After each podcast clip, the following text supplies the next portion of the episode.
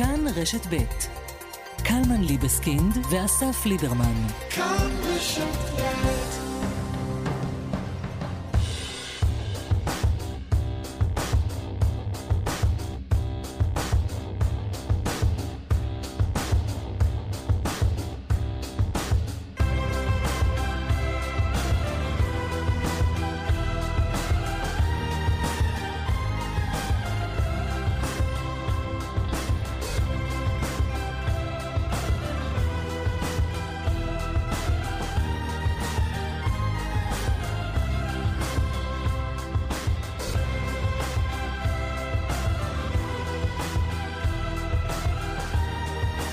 אהלן קלמן, בוקר טוב. בוקר טוב.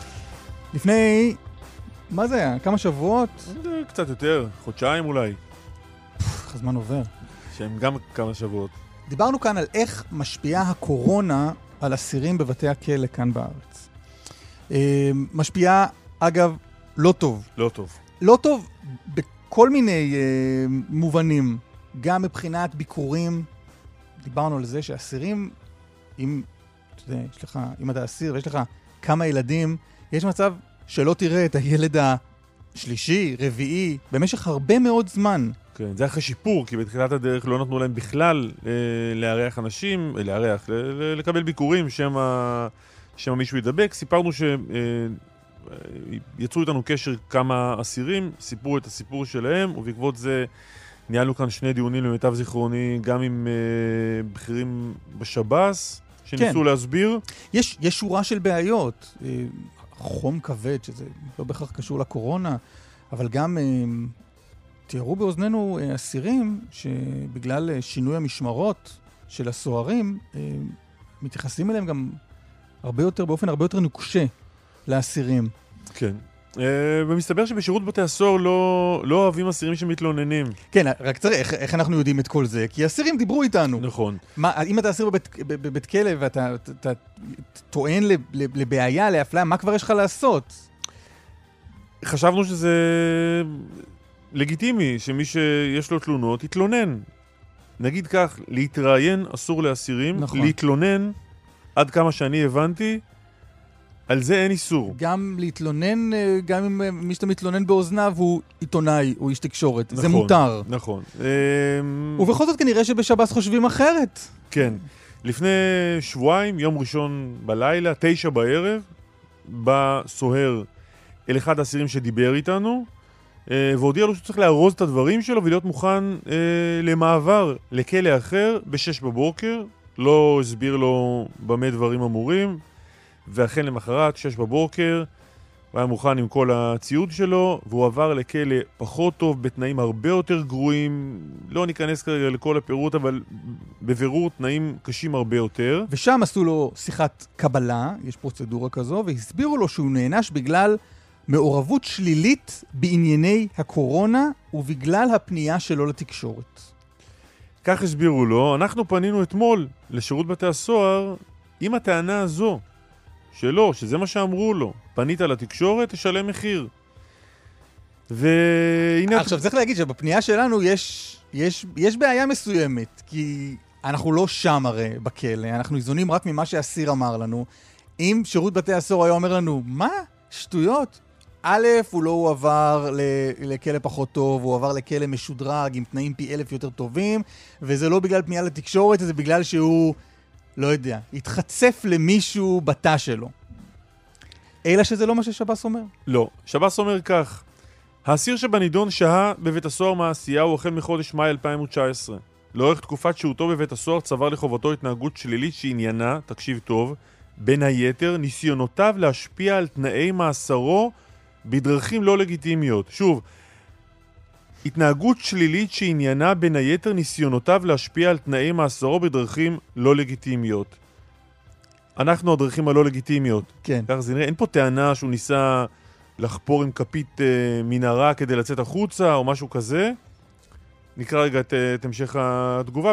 בעקבות התנהלותו, התנהגותו השלילית כאמור החליטה מפקדת בית הסוהר או מפקדת בית הסוהר על העברתו למתקן כליאה אחר. נדגיש שמקום כלאו של אסיר אינו נתון לבקשתו ומדובר בטובת הנאה הנתונה נתונה לשיקול דעת הגורם המוסמך. הדברים הללו מקבלים משנה תוקף שעה שמדובר באסיר שצובר התנהגות שלילית ואינו מציית לכללי בית הסוהר ומאידך מלין על אי קבלת טובת הנאה.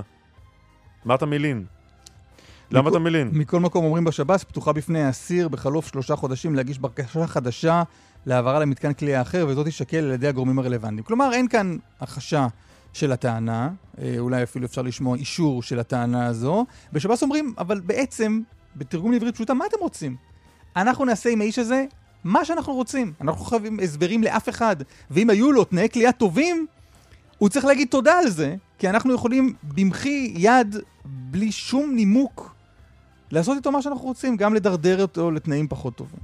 אפרופו בלי שום, בלי שום נימוק, אה, אומר אותו אסיר, לו מישהו היה מזמין אותי לאיזושהי ועדת משמעת ואומר עשית משהו לא בסדר, נא, שטח את טיעוניך, שיתקבלו או לא יתקבלו, אבל לא. אסיר בשירות בתי הסוהר הוא סוג של חפץ, אפשר להגיד לו כחומר ביד היוצר. ממש ככה. אה, אנחנו נמשיך לעקוב אחרי העניין הזה, אנחנו מבטיחים. בהחלט. אה, ועושה אותו אסיר מעשה אמיץ, שהוא מדבר איתנו, ואנחנו אה, נעשה כל מה שאנחנו יכולים כדי לוודא שלא... מצבו לא יידרדר עוד בעקבות הפנייה הזאת שלו אלינו. מה במשדר שלנו הבוקר? האם אה, החלטה של הליכוד וכחול לבן מהלילה דוחה את האפשרות לבחירות, או לפחות דוחה את מועד הבחירות הלאה קדימה? אה, גם בליכוד וגם בכחול לבן מאמצים, לפחות על פי ההצהרות, את הצעת החוק של אה, צביקה האוזר ממפלגת דרך ארץ, שמאפשרת לדחות את מועד הגשת התקציב ב-100 יום. מיד מיכאל שמש כתבנו עם הפרטים, וגם חבר הכנסת ניר ברקת מהליכוד. נדבר על uh, מצב האומנים והתרבות בעקבות הפגישה שהייתה אתמול uh, שלהם עם uh, בני גנץ, גם עם uh, חילי טרופר, גם עם בנימין נתניהו. Uh, יונתן בסי יהיה פה בשעה הבאה, מה אתה אומר? כן. uh, ראש מנהלת ההתנתקות. ראש מנהלת ההתנתקות. מלפני uh, 15 שנה. נכון, דיבר עם אה, יאיר רטינגר בכתבה שודרה אה, בחדשות בטלוויזיה שלנו. נשאל אותו ואנחנו- איך הוא רואה את האירועים אה, ואת תפקידו באירועים, בהתנתקות, בעקירה, בגירוש מלפני 15 שנה. זה יהיה אחרי תשע. אה, נדבר על... אתמול עסקנו כאן בהרחבה בפטירתו של הרב עדין שטיינזלץ, נדבר אה, על העיתונות החרדית, שמי מבין קוריאה שניזון רק ממנה לא יודע שהאיש הלך לעולמו, עם כל חשיבותו, עם כל תרומתו לעולם הלימוד של הגמרא והתלמוד. אה, העיתונות החרדית לא מספרת על זה. לא מספרת לא לחיוב ולא לשלילה, כן, שזה די מדהים. תגידו משהו, כן. תגידו משהו. אה, ננסה, ננסה ללמוד למה. כלומר, אני חושב שאני יודע, אנחנו יודעים למה, אבל ננסה ללמוד... אה, ל- ננסה ללמוד, ננסח את זה אחרי, ננסה ללמוד למה ב, ב, בהרבה מאוד מקרים בעיתונות החרדית, כשאתה לא מסכים עם משהו, אתה פשוט מעלים אותו. מעלים אותו. יפה. אה, בואו נתחיל. העורך הוא איתמר דרוקמן, המפיקים נדב רוזנצוויג ואלי הגן, על הביצוע הטכני אמיר שמואלי. מיכאל שמש כתבנו הפוליטי, שלום. שלום חברים, בוקר טוב. מה סוכם הלילה ולאן זה לוקח אותנו? אז תראו, בלילה הייתה איזושהי תהפוכה אה, פוליטית, כשבעצם אה, היו מי שהספיקו ללכת אה, לישון עם בחירות וקמו עם אה, אה, חצי בחירות או עם אה, דחייה משמעותית. אה, נתניהו וגנץ הודיעו בלילה שהם בעצם תומכים בחוק שידחה את ההכרעה בתקציב בשלושה חודשים. אה, בשלב הזה התמיכה היא בקריאה טרומית, אבל יש מי שחושבים שברגע שהרכבת הזאת יוצאת מהתחנה, כבר uh, היא תאושר uh, באופן uh, סופי בכנסת. אבל הדבר המשמעותי זה כמובן ההודעה של נתניהו, שהוא בעצם גם היה הראשון שהודיע על כך שהוא בעצם תומך בחוק הזה, חוק שנזכיר, יוזמים חברי הכנסת צביקה האוזר והשר יועז הנדל. אבל מה זה נותן, וצ- דחייה בשלושה חודשים? למ- למי, למי זה עוזר? האם בעוד שלושה חודשים אנחנו נמצא את עצמנו באותו מקום בדיוק, ועדיין נלך לבחירות? כי אין הסכמה בין הליכוד לבין כחול לבן, האם זה תקציב חד-שנתי או דו-שנתי. נכון, תראה, עכשיו השאלה היא באמת, א', האם בכלל יאושר החוק בקריאה שנייה ושלישית, כי כרגע מדברים רק על קריאה טרומית, אבל אה, זה כן משנה מאוד את התמונה, כי א', אה, דברים משתנים אה, בקצב מסחרר במערכת הפוליטית הישראלית. אתה אומר, לך תדע מה יהיה עד אז. אולי יקרה משהו נכון, טוב. בדיוק. בדיוק, דברים באמת אה, כל רגע זזים ומשתנים, אבל פה זה בפרט, זה הופך את כל העניין הזה של משבר התקציב בעצם לאירוע מגוחך פי כמה ממה שהוא היה עד עכשיו. כי עד עכשיו מדברים על כך שצריך תקציב חד-שנתי, ויש כאן עוד כמה חודשים, זה, זה נשאר רק שלושה חודשים, שלושה וחצי חודשים. בעצם, כשיבואו בחודש נובמבר להעביר תקציב חד-שנתי, זה יהיה בקושי תקציב חד-חודשי. לכן זאת תהיה בדיחת הבדיחות. ולכן, אם באמת החוק הזה, החוק של דחיית התקציב בשלושה חודשים יאושר, הוא יהפוך את כל הסיפור הזה של תקציב חד-שנתי לאירוע אחר לגמרי. תחשבו שהתקציב הדו-שנתי שעליו מדבר גנץ, הוא בעצם יהיה התקציב החד-שנתי. ולכן, אה, כל המשבר הזה יהפוך להיות אה, אה, משבר מיותר, וסביר להניח שההתעקשות של נתניהו תהיה מוזרה מאוד, וסביר להניח שהוא גם לא יתעקש בעוד שלושה חודשים להעביר תקציב חד-שנתי, לפחות ככה אני נוטה לחשוב. אה, ולכן צריך לשאול את השאלה, האם באמת מה שראינו בלילה זאת התקפלות מפוארת של נתניהו, שלא או לא שזה, מרבה... או שזה תרגיל, אתה רומז. או, או בדיוק, או שזה תרגיל פוליטי. כי אין בכוונתו להעביר את העניין הזה גם בקריאה שנייה או שלישית, אלא מה? Mm-hmm. להרדים את כחול לבן כדי שהם לא יוכלו לתמוך בהצעה שעולה השבוע של יש עתיד, שנאשם בפלילים לא יכול להיות ראש ממשלה? ולא רק, זאת אפשרות אחת. זאת אומרת, אה, האפשרות שמדובר בתרגיל פוליטי אה, של נתניהו מעסיקה לא מעט אה, חברים בכחול לבן. אפשרות אחת זה באמת, היה, יש כאלה שחושבים שזה היה ניסיון של נתניהו לגייס לשורותיו את חברי הכנסת יועז הנדל וצביקה האוזר, למנוע מהשניים האלה לתמוך ביום רביעי ביחד עם כחול לבן בהצעה שבעצם תמנע מנתניהו להרכיב ממשלה. אני מזכיר לכם שאתמול בכחול לבן התחילו לתדרך בשעות הצהריים, בשעות אחר הצהריים, שהם שוקלים איך להצביע, אה, שוקלים ברצינות איך להצביע בהצעה הזאת. אז יכול להיות שהדבר הזה מאוד מאוד הלחיץ את נתניהו, ויכול להיות שנתניהו רצה להסיר את האיום הזה מעליו, ובאמת הוא הצליח להסיר, זאת אומרת, הוא קיבל פה, אה, האיום הזה כרגע הפך להיות לא רלוונטי. אבל אפשרות נוספת זה יכול להיות שגם מדובר במסע יח"צ של ראש הממשלה, ניסיון להראות שהוא באמת עושה הכל, שהוא מוכן להתפשר, שהוא מוכן okay. אוקיי. להתגמש, אבל ברגע האחרון עוד הוא יוביל אותנו לבחירות. מיכאל. נמתין ונראה, יש רק עוד שבועיים. מיכאל שמש, תודה רבה. להתראות. חבר הכנסת אה, ניר ברקת, הליכוד, שעבר ראש עיריית ירושלים, שלום. בוקר טוב. מה אתה חושב על הסיכום המסתמן? תראה, אנחנו נמצאים בתקופה לא קונבנציונלית. ואתה רואה שכל שבועיים אנחנו מעלים מחדש פתרונות חדשים לאתגרים שהווירוס אה, שם לנו. ולכן אני, התפיסה צריכה להיות להשאיר גמישות תקציבית. הסיבה שדיברנו על תקציב חד-שנתי זה להש, להשאיר גמישות חשיבתית וגמישות תקציבית, להתמודד חבילה-חבילה, נושא-נושא, וכיוון שהאי-ודאות היא כל כך גבוהה, אז הגמישות הזאת היא קריטית. עכשיו, הפתרון שמסתמן אני בוודאי מברך עליו, כי הוא מאפשר לצדדים, לתפיסות השונות, להגיע להסכמה, וככל שנצליח להגיע בהסכ... כהסכמה, להסכמות בקואליציה, מה טוב, אנחנו לא צריכים בחירות עכשיו, כן צריכים להתמודד עם האתגרים של הווירוס, ואני חושב שהוא מתווה שנותן לנו מענה ראוי לאתגרים... מה זאת אומרת מאפשר להגיע להסכמה? אם היו רוצים, אה, הצדדים היו רוצים הסכמה, יכלו להגיע גם עכשיו. זמן לא היה חסר. המציאות השתנתה. רצון היה חסר. זה לא סוד שעדיין יש פערים מאוד גדולים בהתמודדות מול הווירוס, בוודאי בתחום הכלכלי ובתחום הבריאותי, ולכן כל התשומת לב הניהולית של ממשלת ישראל צריכה לעסוק רק בדבר אחד, מה, איך מחזירים מיליון אנשים חזרה לפרנסה. והאתגר הזה עדיין פתוח, יש חלקים גדולים, למעלה מ-80 אלף עסקים שעדיין מחפשים, ו- ועצמאים שעדיין מחפשים את עצמם בסיכון גדול. אבל התקציב אנחנו... הוא לא צעד ראשון בדרך לזה? לא, הנה, אתה רואה, אנחנו מצליחים להעביר חבילות תקציביות שנותנות מענה מאז שראש הממשלה נכנס... אתה אומר לא צריך תקציב בכלל. לגופו של עניין, מה שצריך זה גמישות תקציבית, ואנחנו בפועל משנים את התקציב כל שבועיים. כל שבועיים מביאים חבילה חדשה שנותנת מצוקה אמיתית, מענה אמיתי למצוקות של, של הציבור. ולכן הגמישות הזאת היא מה ש... זה מה שאנחנו צריכים לשמור. מי שחושב שעכשיו צריך להיכנס לאיזושהי מסגרת תקציבית, טועה. בעולם הרחב מוסיפים תקציבים כל הזמן. ומתאימים את הפתרונות לאתגרים הגדולים. יש לנו עוד דרך... רגע, אז, אז הפתרון באמת הוא לא לאשר תקציב, בכלל. גם לא בנובמבר, גם לא בדצמבר, גם לא ב-2011, לפי מה שאתה אומר. פשוט לא לאשר תקציב. אני שמעתי מה שאמר מיכאל שמש, דה פקטו הוא צודק.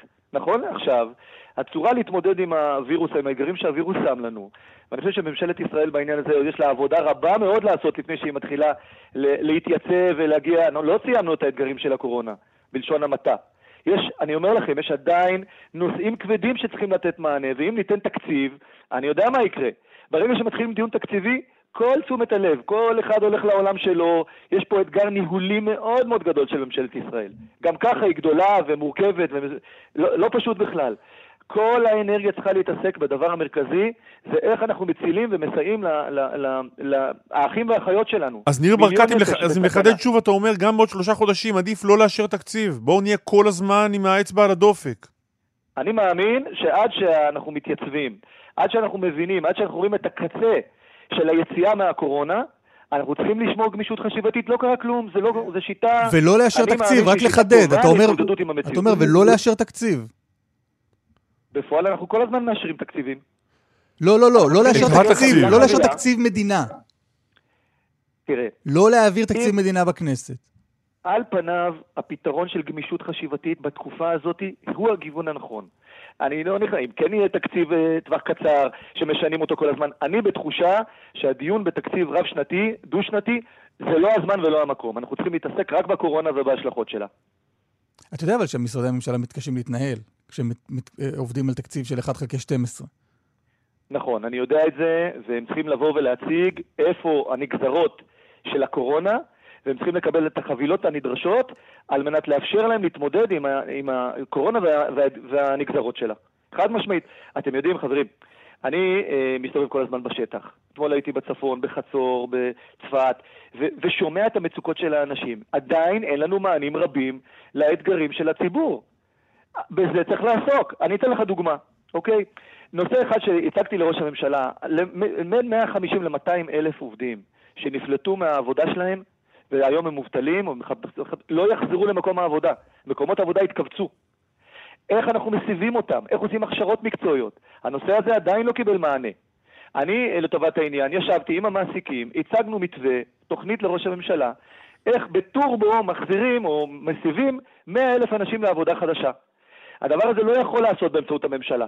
זה חייב חשיבה מחוץ לקופסה, לשנות, לשנות כיוון, ולטובת העניין, במקרה הזה, כשהממשלה יודעת להכשיר 12,000 איש בשנה, רק 20% מהם בסוף מוצאים עבודה, 2,500 איש, אתם מבינים שבשביל להגיע ל-100,000 איש, אנחנו צריכים משהו אחר.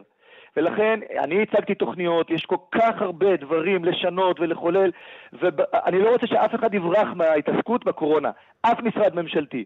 כולם צריכים להציע פתרונות לקורונה, להשאיר את ה-1 חלקי 12, ממילא אם אנחנו עכשיו נתחיל לדבר על תקציב צריך לקצץ את התקציב בסבירות כזו או אחרת, וכל הדיונים על הקיצוצים לא עכשיו, רק בדרך שנראה את היציאה מהקורונה. אז למה בכלל, לא רק עכשיו, לפני שנה ובעוד שנה, למה בכלל להעביר תקציב מדינה? הכי טוב להיות כל הזמן חדים על, ה, על, על השטח ולקבל החלטות מיום ליום.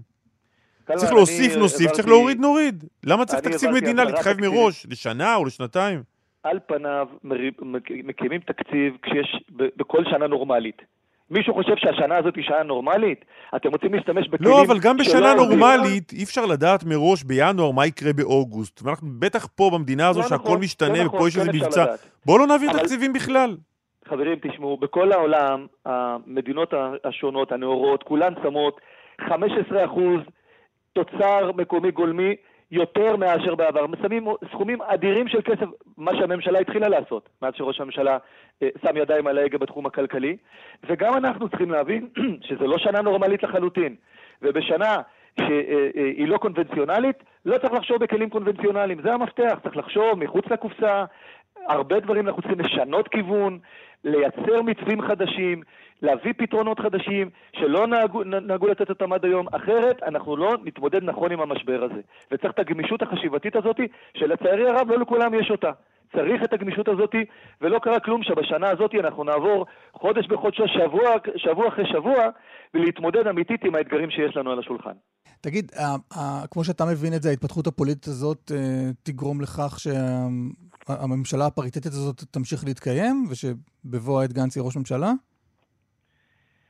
תראה, אה, אנחנו בסיטואציה לא פשוטה בכלל, ואני עדיין מאמין בממשלת אחדות, ואני חושב שאנחנו צריכים לעשות הכל ביחד, לדחות סיפוקים, לא להביא דברים שאנחנו, כל אחד מהצדדים רוצה לכנסת, ו- ובסופו של דבר אנחנו מחלישים את המיקוד שלנו בהתמודדות במחלה, בווירוס.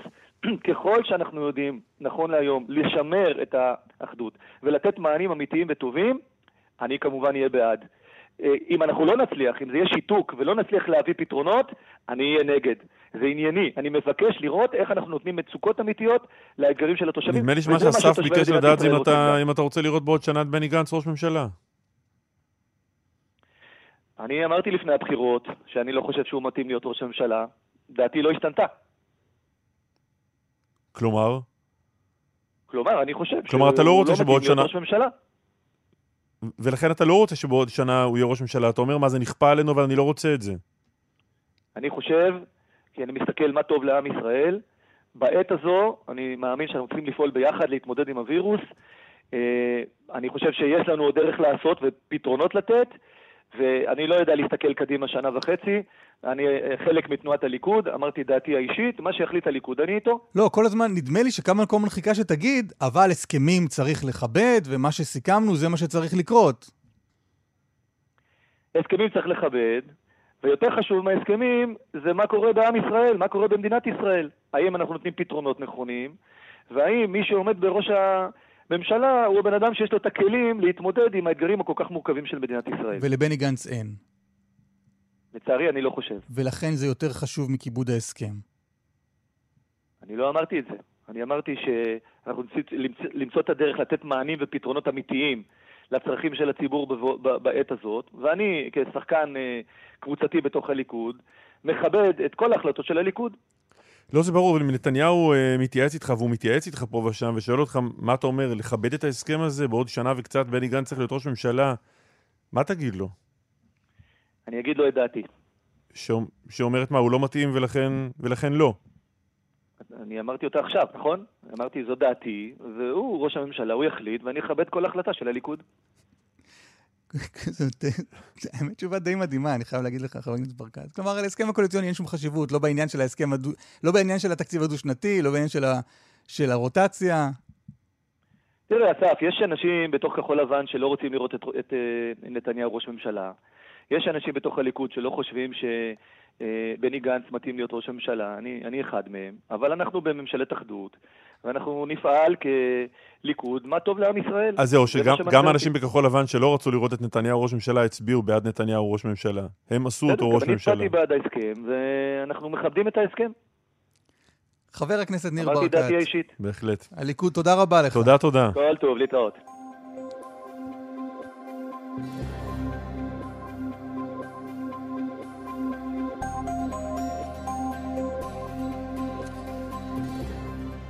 בדרך החוף דרומה, עומס כבד ממחלף קיסריה עד מכמורת בגלל תאונת דרכים, באיילון צפון העמוס ממחלף משה דיין עד דוב עוז וממחלף חולון וקיבוץ גלויות עד מחלף השלום, דרומה מהרצליה עד השלום.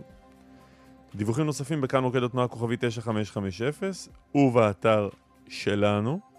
אחרי הפרסומות, האם עולם התרבות הולך להיפתח? אני לא יודע. יהיו פה אנשים אה, שישיבו אתה- על השאלה הזו. אוקיי, אוקיי, אוקיי. היה נדמה לי שאתה שואל אותי, סליחה. שני אירועים אתמול שקשורים בפתיחת עולם התרבות, חזרה לפעולה, יש מתווה שעליו סוכם בפגישה בין בנימין נתניהו, השר חילי טרופר ואומנים, וגם הפגנה מול ביתו של אה, בני גנץ שיצא אליהם ונשא דברים. נכון. האירוע הראשון נשמע לי קצת יותר חשוב מהאירוע השני, אבל שני נציגים משני האירועים האלה איתנו. אה, עברי לידר, אה, מוזיקאי, זמר, היה בפגישה עם נתניהו, שלום עברי. שלום.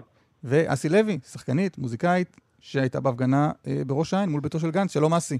אה, בוקר טוב, שלום. היי עברי. אהלן אסי. עברי, בשורה התחתונה, עם מה האומנים יוצאים מהפגישה הזו? אה, יוצאים עם מתווה ממש לרגע הזה, מיד, להופעה במקומות פתוחים, ועם הבטחה שיושבים בוועדה מקצועית רצינית כדי לסדר את פתיחת האולמות, שהם טיפה יותר מורכבים אה, מבחינה בריאותית, ולכן צריך ככה להבין בדיוק איך עושים את זה, קצת עניינים טכנולוגיים של אוורור, כל מיני, כל מיני דברים שדיברו עליהם בפגישה. אה, שצריך לגעת בהם, אבל אה, כן דיברו, כמובן שדיברו על זה הרבה מאוד, וכמובן שברור לכולם שזה צריך לקרות גם כן בזמן הקרוב. עברי, באירועים שבחוץ, כמה אנשים יוכלו להיות? אה, זה תלוי, באול... זה תלוי בגודל הווניו, יש אה, מתווה כזה שהכינו באמת באמת טובי המוחות של, אה, של תעשיית המופעים בישראל. זה קשור, זה, זה עניין של קפסולות, אין, אין, זה לא הגבלת מספר האנשים, אלא איך שהם מסודרים במקום, לפי גודל המקום, לפי... קיצור, זה תלוי בכל מיני דברים של המקום. אבל אתם שבעי רצון מה, מהכיוון? אני חושב שהכיוון הוא טוב, כי הכיוון הוא קודם כל לפתוח, אתה יודע, מה שלא היה פתוח לחלוטין אה, לפני הפגישה, אה, נפתח קצת אחרי הפגישה, וזה נותן לפחות לחלק אה, מהתעשייה להיפתח. ברור לגמרי שזה חייב להתקדם לכיוון שבו ייפתח, תיפתח כל התעשייה, ברור לגמרי שהתיאטראות והיכל התרבות והתזמורות והאופרה הם סופר חשובים וצריכים להיפתח גם כן בקרוב. רגע, אז לך, לך, לך נגיד באופן אישי, יש איזה אופק להופעה גדולה? כן, אנחנו יכולים להופיע במקומות פתוחים, אה, לארגן את זה ולהתחיל לנגן. יש לך- יש לך משהו- כל האנשים שלנו יש לך לעבוד. משהו בלוז? אה, יש, אה, יש בדיקות, אה, אולי אפילו על יום שבת, כי יש שם איזה תאריך שלקחנו מזמן, והוא במקום פתוח, איפה? ואנחנו באמפיבול, מהמם. ואנחנו אה, נראה אם הוא יכול לקרות, אתה יודע, אם הוא יכול לקרות, אז אולי נעשה את זה כבר ביום שבת. אסי, מה את אומרת על המתווה? א', אני מאוד מאוד שמחה בשביל עברי, ובשביל כל המוזיקאים ואנשים שיוכלו באמת לענות על ה... התנאים שהם מציעים. לנו, לתיאטרון, זה כמעט תוכנית בלתי אפשרית, אה, אה, לצערי. התיאטרון אה, עובד, אתה יודע, יש תפאורה שנבנית לגודל במה, ותאורות, ואין סוף לוגיסטיקה שאני לא רואה איך הדבר הזה יכול לעבוד. קשה לי אסי, אני, להאמין, אני, קודם כל, רק רוצה להגיד, סתם תוך כדי שאת מדברת, זה גורם לי לחשוב, זה מעניין. זאת אומרת, כמובן שאסי צודקת והיא אומרת משהו מאוד מאוד נכון. מעניין לחשוב אולי, אולי בכל זאת לנסות להתחיל תיאטרון תראה, על אם... גם, ב, גם בפתוח, נגיד, את יודעת, יש נגיד הפקה טיפה יותר פשוטה, או... אז זה אומר סתם. כבר, תראה, אנחנו, אני אגיד לך מה, ועברי, אתה יודע את זה, אני לא יודעת כמה אנשים, אתה יודע, בכל זאת, תיאטרון אה, נבנה, מה שנקרא, זה לא ספונטני, הצגה, זה משהו שצריך לתכנן, אה, אנחנו לא ברור. יכולים לעלות עם ברור. גיטרה, די, דווקא בגלל שאני נמצאת בשני צידי המתרס, אני יודעת לה, כן. באמת לראות את ההבדל, אני לא יכולה לה, להרים צוות נגיד תמונות על נישואים. במקום פתוח. כן, הצגה אבל פשוטה, שוב, אבל כיסא אתה אומר שולחן. שוב, אנחנו נצטרך להיכנס, לביים את המופעים שיהיו מתאימים נכון. לזה, ועד שהם כבר, נביים אותם כבר יהיה חורף, אנחנו לא, אנחנו תכף סוף אוגוסט. כן. ואז זה אומר שאנחנו גם לא נוכל להופיע בחוץ. כן. תגידו. תיאטרון, כן. תיאטרון, זה דבר שלא לא ספונטני. זה לא דבר שאפשר להגיד, אוקיי, בוא נצא רגע עכשיו ונעשה אותו בחוץ. אפשר לעשות את זה בחצר אה, ציבורית, אפשר לעשות את זה בח... לא, זה, זה משהו שנערכים לו. זה אין ברור. פה את הספונטניות הזאת וגם עניין תקציבי. אסי ועברי, אתם יודעים מה קורה בעולם בתחום הזה? בעולם הרחב? אה, כן, התחילו לפתוח אה, כל מיני מקומות, התחילו במדינות לפתוח. שונות, אה, אנשים, בכמויות שונות של אנשים, זה נורא תלוי, אתה יכול להסתכל, יש מפה כזאת של כל מיני מקומות באירופה, שיש כל מיני כמויות שונות של אנשים בסוגים שונים של וניוז. תשמע, אני, אני חשוב להגיד, זה, דובר בזה הרבה מאוד אתמול בפגישה, ודובר על המקומות הסגורים כמובן. רוב האנשים שישבו בחדר היו אנשים שהם אה, אנשים שמייצגים אה, מקומות אה, סגורים, תיאטראות, ו- ו- וגם בשבילנו, כן? זאת אומרת, בוא, אתה יודע, ברור לכולם, ו- ו- ו- והדגישו אתמול את הצורך לפתוח את זה מיידית, את המקומות הפתוחים, כי ברור לכולם שיש פה חודשיים של חסד, כן? זאת אומרת, ברור שמתישהו כן, באמצע סוף זה- אוקטובר אה, צריך לפתוח את המקום, ו- ו- וחלק מהשיחה אתמול כמובן הלכה גם ל- ל- למה צריך לעשות כדי לפתוח את המקומות הסגורים, ושמתחילים, ושצריך להקים גוף אה, מקצועי ש- שיטפל בזה, ושיבדוק אבל ברור לנו שעד שכל הדברים האלה יקרו. כבר יגיע החורף, ואתה יודע, זאת אומרת, אנחנו ממשיכים שוב פעם להיערך, מה שנקרא מהרגע להרגע, אין שום תוכנית קדימה. אין שום דבר. לא, יש טוב, כרגע יש, יש, תוכ... יש תוכנית לא, אני מדבר... לא, לייצר אחת כזאת. אבל זה שוב, כאילו- אנחנו מדברים, כי אנחנו, זה, בסך הכל יהיה אפשרות להופיע בחוץ כמה? חודשיים? חודשיים לא, וחצי, בסדר, אני אומר, שלוש? דווקא לגבי המקומות הסגורים, עכשיו, גם לגבי המקומות הסגורים, בואו בוא נשים דברים בפרופורציות. בינתיים, עד היום, נדבקו בתיאטרון שני אנשים. שני אנשים נדבקו בעולם סגור. אה, תיאטרון, אה, לעומת, בואו ניקח ההשוואה מכוני כושר, אה, נכנסו אנשים, מה שנקרא, בקפסולות, את הכרטיסים אספת, הדפסת אותם על המחשב, לא עמדת בכלל בתור. אין מזנון, אין הפסקה, מודדו חום, נרשמו, ישבו בקפסולות עם דו- דובים שהפרידו בין הקפסולות. אולם של 900 איש הכיל 250 איש. אני לא מצליחה להבין איך אולמות תיאטרון סגורים וחדרי כושר פתוחים. עברי, אה, מההתרשמות שלך עם, ה... לא עם. ראש הממשלה ועם שר התרבות, הם, הם יודעים מה קורה? הם מבינים, למשל, כן. גם את השאלה הזאת שאסי העלתה כן, עכשיו? כן, כן, כן, השאלה הזאת היא עלתה, עלתה שוב ושוב בפגישה אתמול. ומה נתנו אה, עליה תשובה? זה לא תשובה חד משמעית, תשמעי, זה, זה, זה זה לא תשובה חד. משמעית ולי אין תשובה חד משמעית. אני חושב ש... אבל עצם זה שיכולנו לשבת שם ולהגיד את הדברים האלה, ולהביא לזה שיהיה, ש, שמתייחסים אליהם ברצינות ורוצים אה, להמשיך להיפגש עם גור... אבל עברי, באופן ככה זה צריך להיות במדינה את זה. מתוקנת, הם אמורים לא, אבל לשבת בסדר, אז איתנו. הנה אז זה הנה זה קורה. קרה, אז הנה זה קרה. ככה. צריך להיות. אה, אז הנה, זה קורה, היינו, ישבנו, דיברנו, אוקיי. הצגנו את המצב באופן הכי, אה, הכי ברור ויחסית אגרסיבי ולא משתמע לשתי פנים, וכאילו הצגנו אותו כמו שאנחנו חווים אותו, כל- השוק. אה, היו שם באמת אנשים שייצגו את כל סוגי התרבות והציגו את הקושי האמיתי והיו קולות מאוד מאוד אה, אוקיי, דרמטיים. אנחנו נצטרך? לסיים, אנחנו נצטרך לסיים בזה, אנחנו נחבר, ביניכם כדי? לקבל עוד עדכונים, אסי. אה, נשמע שיש לך הרבה שאלות. לעברי. עברי לידר, אסי לוי, תודה רבה. תודה, תודה.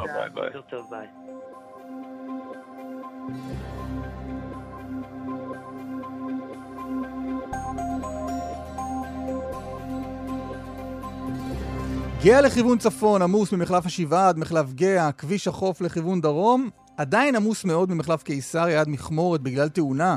מומלץ לנהגים לנסוע בדרכים אחרות. מהן הדרכים האחרות? אל תגיד להם. אוקיי. עוד דיווחים, כאן מוקד התנועה כוכבי 9550 ובאתר. אני שומר, זה, יש לנו, מה- אנשים מאזינים לרדיו בחינם הרי, אבל הם לא יודעים שיש גם מסלול פרימיום. במסלול הפרימיום, אם אתה משלם דמי מנוי, באמת, בעלות סמלית, אתה מקבל את הדרכים האחרות. אם אתה משלם בעלות שאינה סמלית, תקבל. פי, איזה דרכים דרכים תקבל. וואו, פרימיום. עוד דיווחים, כאן מוקד התנועה כוכבי 9550 ובאתר. אחרי הפרסומות, קורה משהו מאוד מעניין בבלארוס. אה, אספר לך? בוא ניתן למרואיינת לספר. מי שמכונה הדיקטטור האחרון של אירופה, אה, לכאורה ניצח שם ב... חשבתי לכאורה מכונה הדיקטטור הזה. אתה רוצה לסבך אותו עם אנשים? הוא האחרון, אין לו מה להפסיד. למה אתה רוצה להסתבך איתו? ניצח לכאורה בענק, ויש מי שסבור שזה לא סביר. נינו אבסדזה תהיה איתנו מיד אחרי הפרסומות. אה, אמרת? לי שאני צריך גילוי כן, נאות. קודם כל נפתח בגילוי נאות. אה, סבתי, עליה השלום, אה, שלחה עולמה בגיל 98 לא מזמן, אה, נולדה בבלארוס. אז אתה בניגוד עניינים פה באייטם הזה. אז אני אשב בצד ורק אקשיב. נינו אבסד זה פרשנית לענייני רוסיה והאזור, שלום. בוקר טוב, חברים. מה שלומך? אה, היו כמה טיפות גשם, אז אני מצוין. אני אה, יופי. ברית המועצות, אה?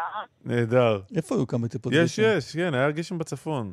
מה, אצלכם לא היה? אנחנו פה באולפן עם תקרה, אז אני לא כך, גם אם ירד, אנחנו לא יודעים. אז אבל... אל אה, תרגישו מקופחים, בחוץ חלק מהמקומות היה. איפה, יפה. איפה? רק שנדע איפה את אה, נמצאת? בכפר סבא, בצור יגאל, בכוכב יאיר. אמרתי לך. בצפון. אה, ממש בצפון הרחוק אפילו. צפונה לנו. ממש צפון הרחוק. זה מעבר לירקון. גבול, אה, הלבנון.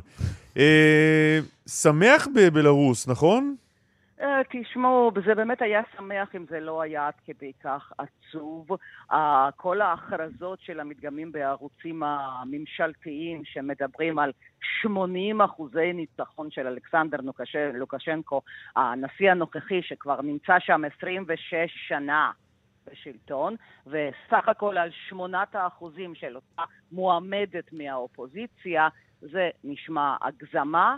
אה, כן, כנראה שבסופו של דבר, מה שיירשם בסוף היום זה הניצחון של לוקשנקו, אבל כל העולם בספק עם הנתונים, עם הנתונים, מה שאמרתי קודם, וכל הלילה היו מהומות בבירת בלרוס, ולא רק, כנראה גם בערים אחרות. אבל, אבל הטענה היא פשוט שהוא זייף, שהוא דאג לזייף את התוצאות? אה, חוץ מהזיוף, הטענה היא שדי, נגמר, נמאס. חברים, במהלך 26 שנים נולד וגדל שם דור חדש, לא סתם. לא, די נמאס, בסדר. חלק מהאוכלוסייה יכול להימאס, אבל אם הולכים לקלפי והאיש מנצח בבחירות, אז אה, איך אומרים? with all due respect. אני חייבת לומר שללוקשנקו אכן הייתה תמיכה. בשנים הללו. אני גם מאמינה שגם היום חלק מהאוכלוסייה בהחלט תומך בו, אבל... נינו, אבל בואי נלך רגע צעד אחד אחורה. מה זה אומר דיקטטור ו- ו- ואיך מתנהלת המדינה הזו? אה, קודם כל, אני הייתי קוראת לזה מדינה אוטוריטרית, ומדינה הזאת התנהלה, אם כבר יש אפשרות ללכת אחורה, הם עשו ההפך ממה שקרה ברוסיה הפוסט-סובייטית.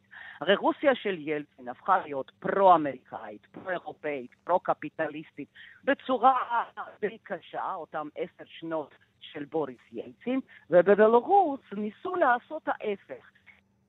באמת על סוציאליזם הסובייטי, אבל ניסו, הסתכלו על רוסיה ואמרו, תראו, תראו איך זה נגמר הקפיטליזם הפרוע והקשה ביותר שהיסטוריה ידעה בכלל באירופה, ובואו אנחנו נישאר איפה שהיינו עם השינויים הקטנים, עם טיפה חצי חברה חופשית כזאת. בהתחלה זה כנראה באמת התאים להם, אבל עוד פעם, היסטוריה מתפתחת. הם מסתכלים מה קורה באירופה. קודם כל בלרוסים מסתכלים על השכנה שלהם וההצלה שלהם, שזאת אוקראינה, לא רק רוסיה. הרי אוקראינה שנים רבות הייתה פרו-רוסית, יום אחד הפכה לאנטי-רוסית, אחרי זה חזרה להיות פרו-רוסית, ועכשיו היא עוד פעם החתול שהיחסים שלהם זה כמו חתול ארבר בין קייב למוסקבה. אז בבלרוס, אתם יודעים מה, כל המהפכות הצבעוניות האלה, ככה קוראים באביב הסלאבי, הן מדבקות, ועוד פעם גדל שם דור חדש שרואה פוטנציאל. שמדינה קטנה אמנם בלב אירופה יכולה להיות אירופאית לחלוטין. אבל רגע, לא נינו, שוב אני, אני, שוב אני שואל, כשמדברים על זיוף בחירות, על מה מדברים? על זה שפשוט הוא קיבל את התוצאות, אה, מחק את, אה, לא יודע, 45 אחוזים שהוא קיבל ורשם 70?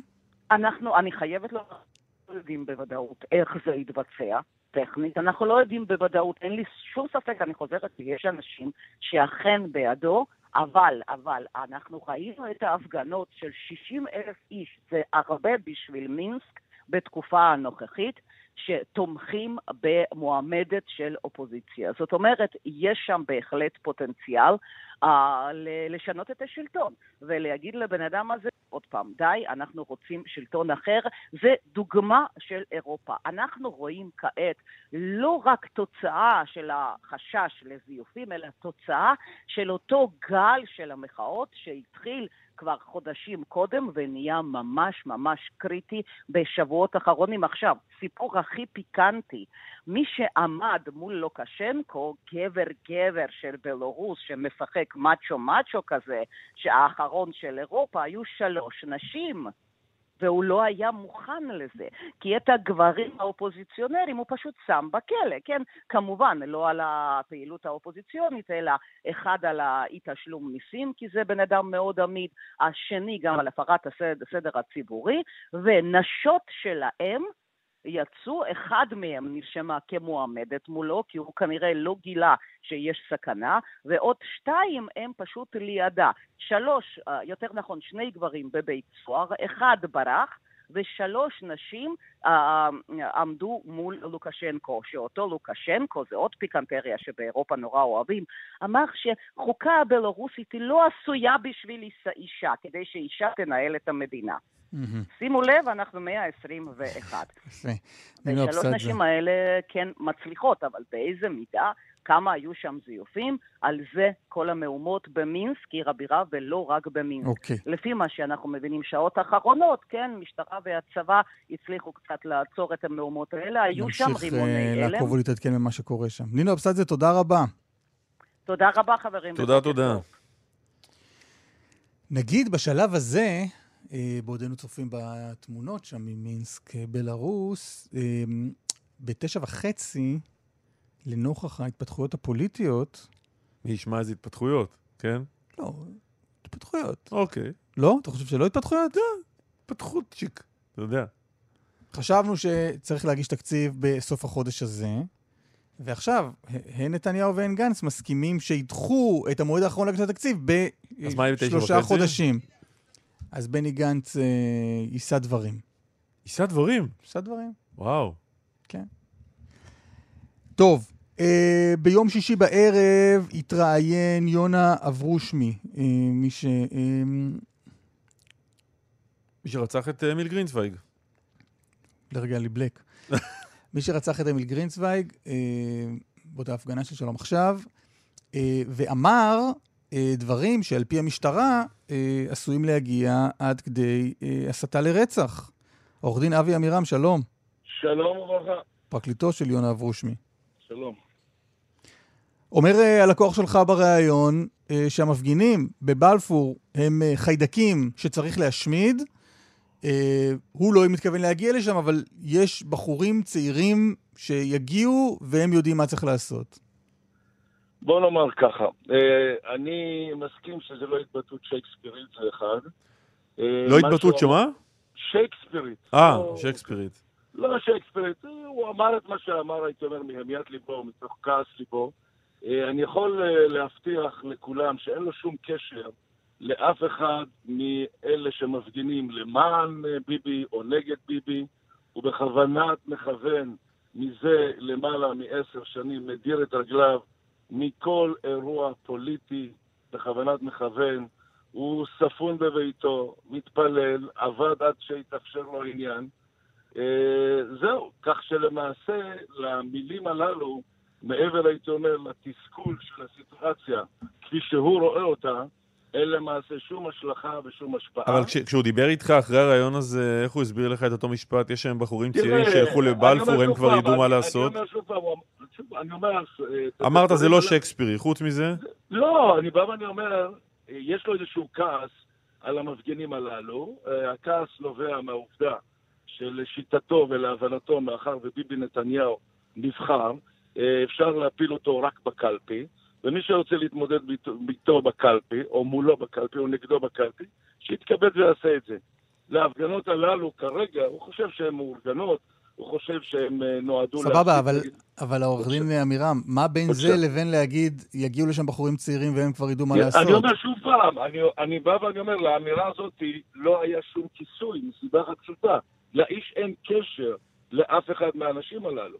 הוא מעולם לא חבר. אגב, אני רוצה להגיד לכם שכאשר הוא עמד בפני ועדת השחרורים, הדבר הראשון ש, שלמעשה הוצב, הייתי אומר, הונח בפני הוועדה, זה למעשה קשרים שלו, גם uh, מבחינה, uh, נקרא לזה שב"כית. זאת אומרת, uh, השב"כ uh, בדק האם יש לו איזה שהם קשרים לגורמים עוינים כאלה ואחרים, גורמים רדיקליים, נקרא לזה במרכאות או שלא במרכאות, ומצא שאין. לא, אבל השאלה אם האמירה הזאת מעודדת בחורים צעירים להגיע לבלפור לא, אה, אומר ולפגוע פעם. במפגינים. זו השאלה, ולא השאלה כך. האם יש לו אה, קשר לאיזושהי התארגנות כזאת. לא, לא. בוא נאמר דבר כזה, אם זה, אם זה היה תלוי בו כרגע, אני מניח שהיה חוזר ברוורס מהאמירה, אם הוא היה מבין שלאמירה הזאת יש איזה שהן השלכות כלשהן. והוא חוזר ברוורס חושב- מהאמירה? אני, בוודאי, אני חושב... הוא חוזר בו? הוא אמר, אני מצ- מצטער, לא, אני לא, מתחרט, לא הייתי צריך להגיד את זה? אילו- ניתנה לו הזדמנות, הוא היה עושה לא. באוזניך. אני אומר שוב פעם, לא, אין לו שום כוונה, אין לו שום כוונה לעודד שום אירוע מהסוג הזה. טוב. נקודה, סימן קריאה. העורך דין אבי. עמירם, ננצל את הנקודה הזאת כדי לסיים. תודה רבה. מודה לך, כל טוב. אנחנו יוצאים לפרסומות, לחדשות, ועד לשעה השנייה שלנו.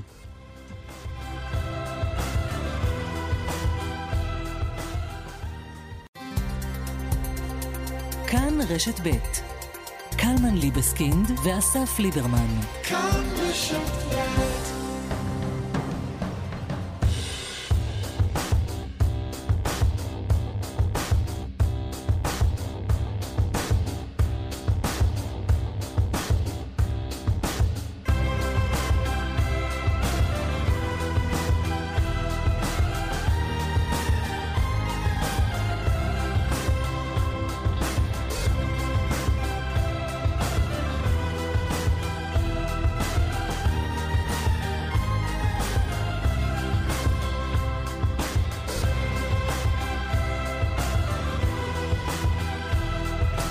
חזרנו.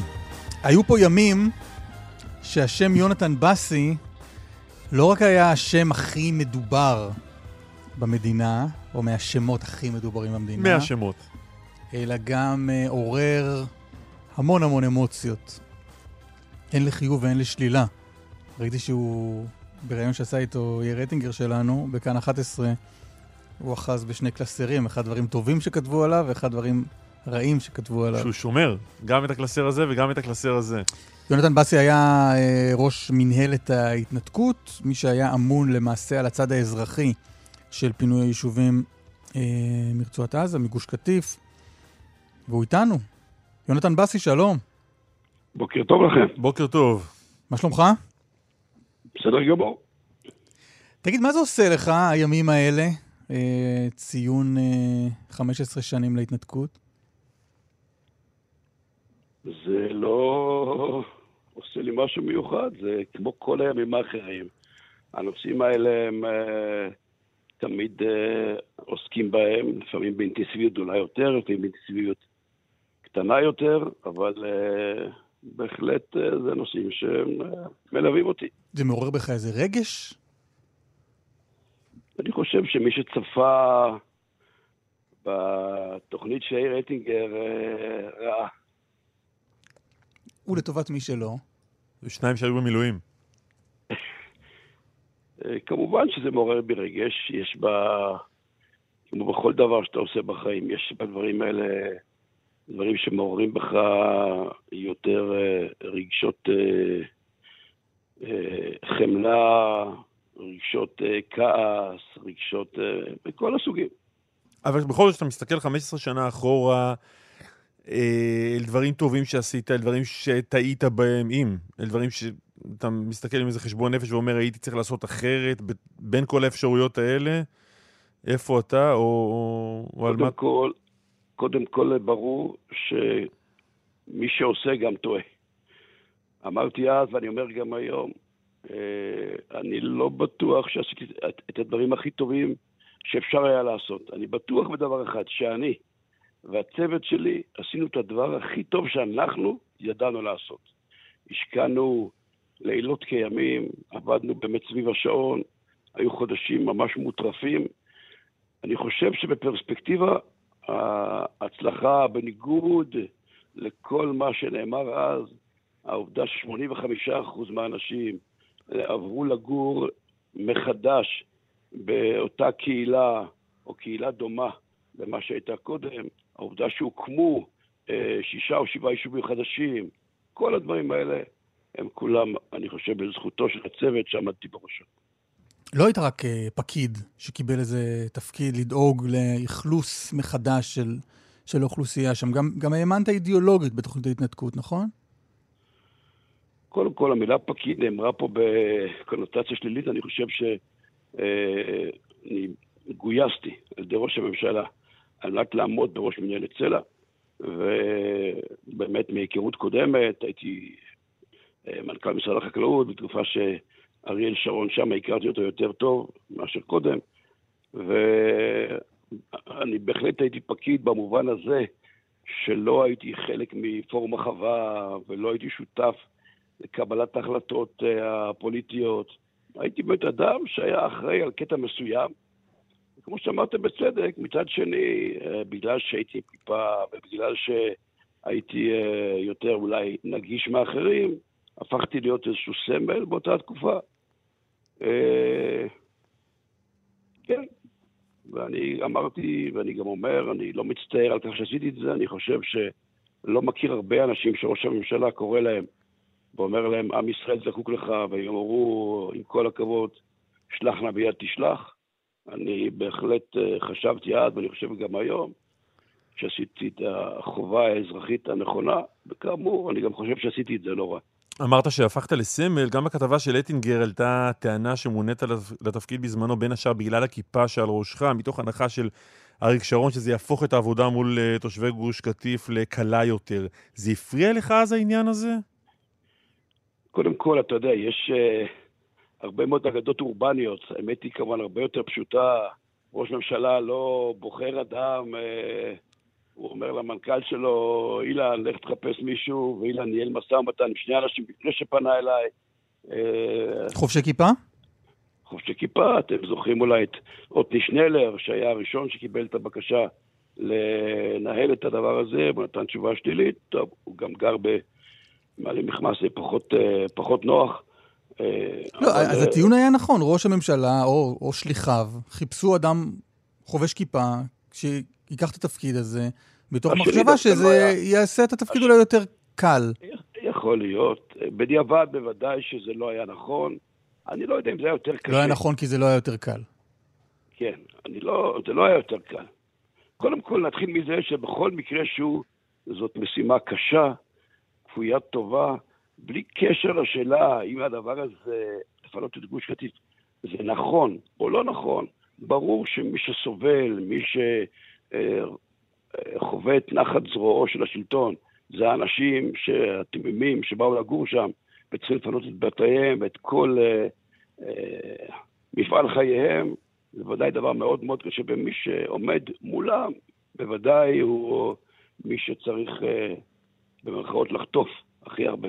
חודש לפני ההתנתקות, משהו כזה, הבעת בפני ארי שביט בהארץ את רצונך שיהיה למהלך הזה, ואני מצטט, מסר של ניצנים של התחלה של פיוס. אה, אפשר כבר לומר שפיוס זו לא הדרך המדויקת להגדיר את מה שקרה אחרי ההתנתקות, נכון? בוודאי שלא. אה, כל מי שרואה אותנו היום יודע שפיוס זה לא, זה לא שם המשחק. אבל זה, אני חושב, לא כל כך שייך לשם, זה שייך לכך שלצערנו אה, הדמוקרטיה לימדה אותנו שניתן אה, להיבחר רק על ידי בידול. ובידול נעשה באמצעות אה, עידוד של שנאה על כל המשתמע מזה, וכמה שיש יותר מערכות בחירות, לא הבנתי. נדמה לי שהפיוס, אתה דיברת על פיוס אצלנו, נדמה לי שדיברת על פיוס בינינו לבין הפלסטינים. אה, אני לא זוכר את הכתבה הזאת הספציפית, אני חשבתי שאתה שואל אותי לגבי פיוס. לא, לא, לא, אלא, אתה אה, הבעת באותה כתבה אה, אה, תקווה שההתנתקות תביא להתחלה של פיוס בינינו לבין הפלסטינים. אה, אוקיי, אז אם ככה, מה שאמרתי קודם לא רלוונטי. אני באמת, אה, כמו כל אחד אחר, רואה שקרה ההפך, ואני אומנם לא מסכים לאלה שאומרים שבגלל ההתנתקות התחילו ליפול טילים, זה... כל, אפילו ההיסטוריה אומרת שלא, כי הטילים התחילו ליפול כבר ארבע או חמש שנים קודם, ומי שראה את סדרת הכתבות בשבוע שעבר בערוץ הראשון, גם ראה את הקושי המאוד מאוד גדול שהיה להחזיק את היישובים בתוך גוש קטיף, אבל אני מסכים שמבחינת הפלסטינאים המצב אה, לא השתפר מאז. וע- ועדיין, אם הייתי אומר לך. לפני 15 שנה, שזמן קצר אחרי ההתנתקות, החמאס יתפוס את השלטון שם ויחפור מנהרות אל קיבוצי העוטף ויירת טילים עד תל אביב, ובגוש דן יסגרו חנויות ובנתב"ג ישנו מסלולי טיסה, מה היית אומר? גם אז, גם אז אה, אמרתי שאני לא חושב שהתוצאה מזה תהיה הקטנה ב... במצב הביטחוני, או השיפור במצב הביטחוני. ו... אבל עוד פעם, אני לא, זה מה שהבטיחו לנו, הבטיחו לנו שיפור במצב הביטחוני, זה מה כן, שאריאל שרון הבטיח. אני עוד פעם רוצה לשים את הדברים בקונטקסט. אני, כמו שאמרת, הייתי פקיד. לא עסקתי ב... לא בפינוי עצמו כמובן, זה צה"ל עשה, והמשטרה וכולי, לא עסקתי, לא הייתי חבר בממשלה, לא הייתי... אבל מה לא דמיינת? מה דמיינת שיקרה? אני לוקח אותך 15 שנה אחורה. מה חשבת שהיית תעשה? אגב, אותו ציטוט שקלמן הביא מהרעיון עם ארי שביט של ניצנים של פיוס. איזה עזה ויחסים עם עזה דמיינת? אני לא, לא חושב שזה מה שהעסיק אותי. אני באותה תקופה עס- עסקתי רק בדבר אחד. לא, אני שואל בגלל שהאמנת ברעיון הזה, והל- והלכת אליו כי אידיאולוגית לא, הוא היה לא. נראה לך נכון. לא, זאת שאלה לגמרי אחרת. אם אתה שואל. את דעתי, אז אם אתה שואל את דעתי, זה בכלל לא בהקשר הזה. אני חושב שבמתח שכולנו חיים בו כבר 50 שנה, שבין גיאוגרפיה לבין דמוגרפיה, אה, הדבר הכי מתבקש זה להקטין מאוד את הבעיה הדמוגרפית. אגב, אני מוצא בשנים, שנתיים, שלוש, ארבע האחרונות, הרבה מאוד אנשי ימין שאומרים שהנסיגה מגוש קטיף שיפרה מאוד את הסיכוי שלנו לאחוז ביהודה ושומרון. כי אז אה, עדיין יהיה רוב, לא יודע כמה, 60-40, אה, לא יודע, 65-35, לא יודע את המספרים בדיוק, אה, בין יהודים לבין ערבים, מה שבוודאי שאם השני מיליון איש שיש בחבל עזה היו חלק מהמשוואה, אז לא היה שום סיכוי להגיע, אני חייב להגיד שאורי אליצור המנוח לא כתב את זה ככה, אבל כשהוא עשה את החשבון למה אני בעד מדינה דו-לאומית, והוא מנה את, את האנשים, היהודים והערבים, הוא בפירוש מנה את זה ללא חבל עזה, במילים אחרות, העובדה שחבל עזה, במרכאות, הזדקנו עליו, אה, משפר מאוד דווקא לדעת אנשי הימין את הסיכוי okay. אוקיי. ליצור פה מצב של מדינה דו-לאומית. אני רוצה לחזור אליך רגע. היה כן. כלפיך המון, איך היית מגדיר את זה? כעס? שנאה? טינה? כעס. כעס. מה, מה, עד לאן זה הגיע, הכעס הזה? מה, מה האירוע שאתה הכי זוכר? הכעס הזה, אני חושב שהכי קשה היה לנכדים שלי בבית הספר, שהיו בני אה, שש, שבע, שמונה, כיתה ב', ג', והם אה, ספגו הרבה בגלל מה שאבא שלהם עושה. זה ודאי היה אחד מהקטעים היותר קשים. מה הם ספגו? ספגו אה, קללות ונאצות, מה, מחברים שלהם לכיתה? נכון. איך הם התמודדו עם זה? אה, מאוד קשה. ואמרו לך, סבא, מה אתה עושה לנו? לא, הם אמרו הפוך. הם אמרו, סבא, אנחנו גאים בך. שלמרות מה שאנחנו חוטפים, אתה ממשיך בדרכך. דיברת קצת בריאיון עם אה, יאיר טינגר על זה שאתה לא אוהב את המקום הפוליטי שאליו הלכה הציונות הדתית, אה, וראיתי בעבר, באחד הראיונות שלך, שאמרת שמבחינתך ההתנתקות היא לא רק פינוי של 20 ומשהו יישובים, אלא מעין מעשה חינוכי גדול, ניסיון לעשות רציונליזציה של הציונות הדתית.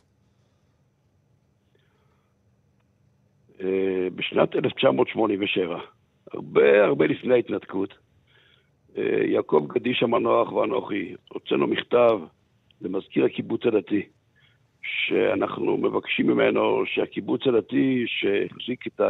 את ההאחזות אז בנצרים, אה, יעזוב את המקום ההוא, שכן אנחנו צופים שיגיע יום שבו היישוב הזה יהיה במרכזו של אה, מהלך היסטורי שיכול לגרום לרעש מאוד מאוד גדול. אני שואל את עצמי, האם אה, נגיד במצב של היום הייתי יכול לכתוב מכתב כזה?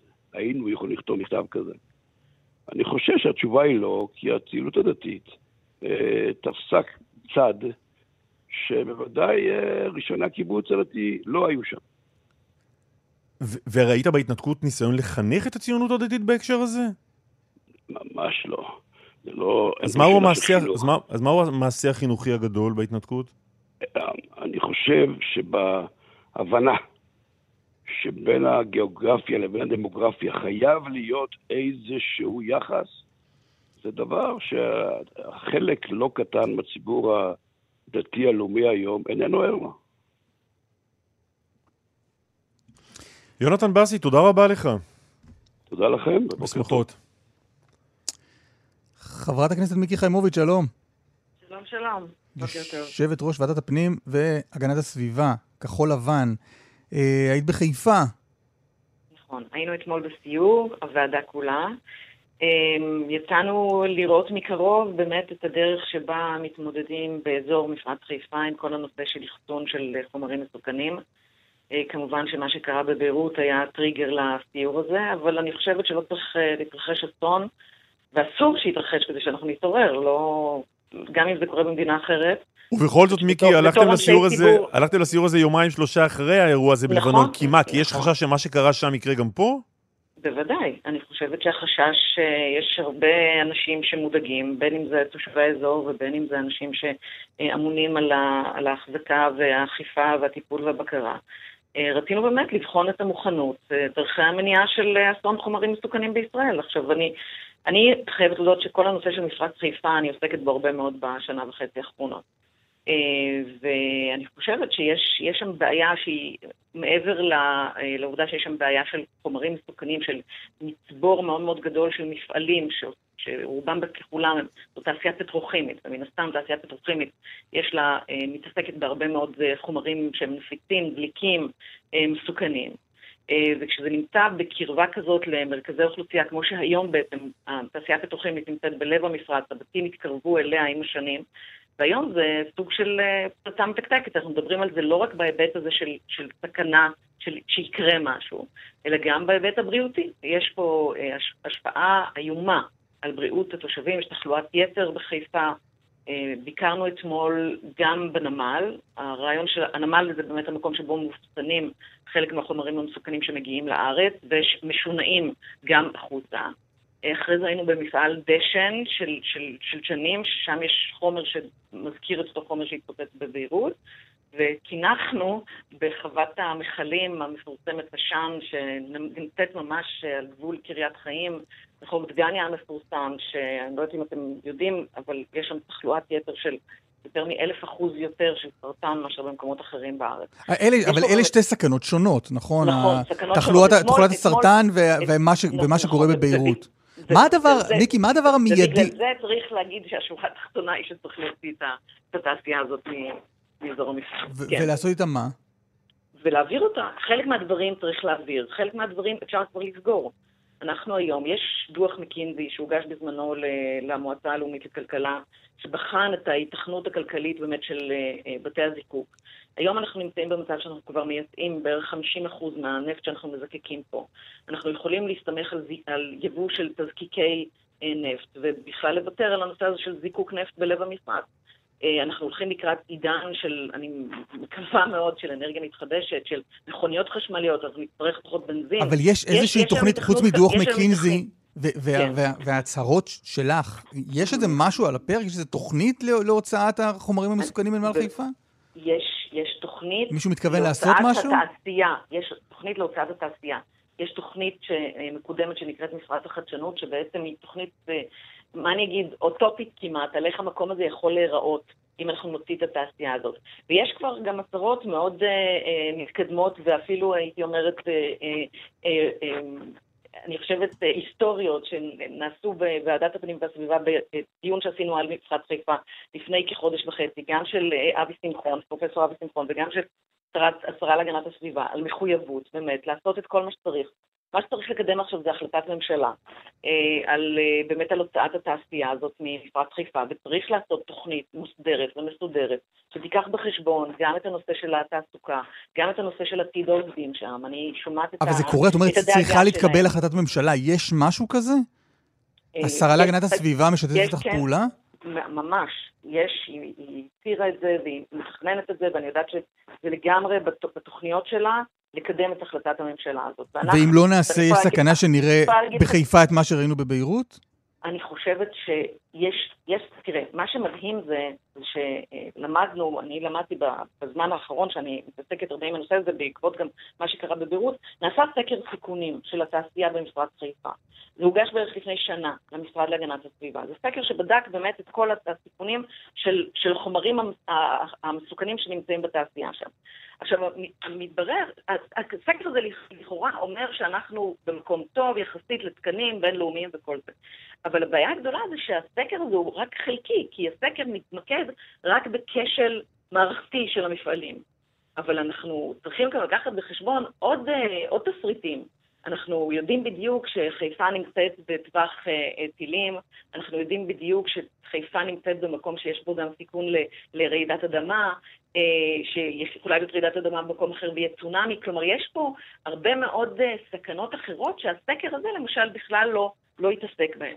עכשיו, אני יכולה להגיד שלפחות שמבחינת הנמל, אני, אה, קיבלנו את מזכירה שבהחלט הראתה שיש מוכנות אה, גבוהה מאוד, גם לפינוי של, אם גם, גם במקרה של באמת אה, אירוע ביטחוני, אז פינוי של כל הזה. אבל אני למשל זוכרת מתקופת אה, מלחמת אה, אה, לבנון השנייה, שהיה באמת אה, מתקפות טילים על, על אזור חיפה, שכשרצו לפנות חומרים וזה, הייתה, הייתה בעיה בהגעה של משאיות לפנות את החומרים המסוכנים.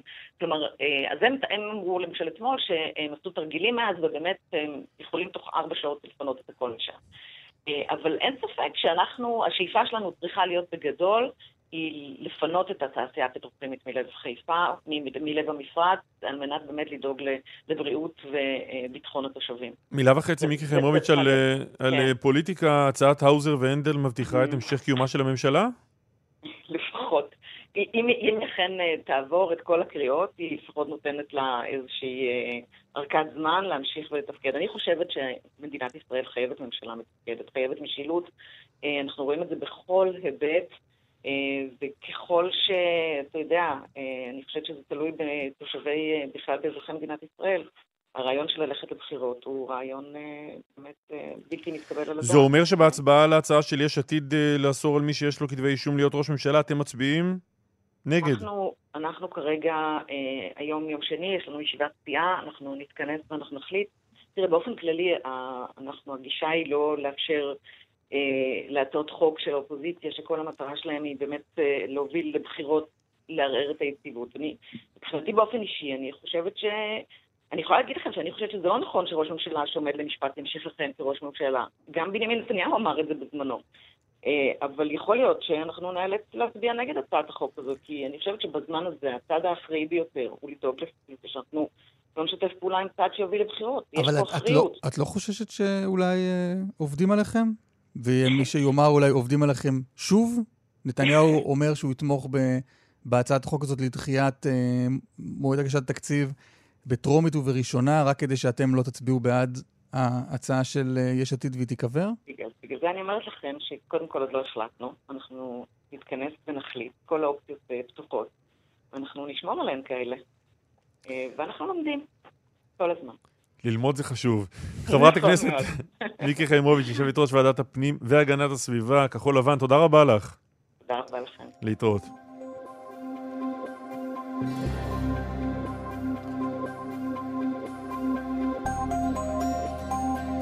באילות צפונה, עמוס ממחלף משה דיין עד דוב עוז ממחלף חולון וקיבוץ גלויות עד מחלף השלום, דרומה ממחלף רוקח עד השלום.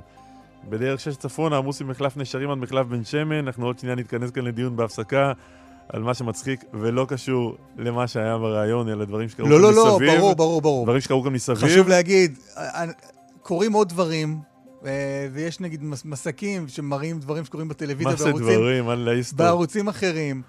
אז תוך כדי שקוראים, יש פה שידור, אז אתה אינך נודדת לדברים שקורים ב- ב- בערוץ אחר, ואתה אומר לעצמך, שיעה הלאה. ממש פשיעה הלאה.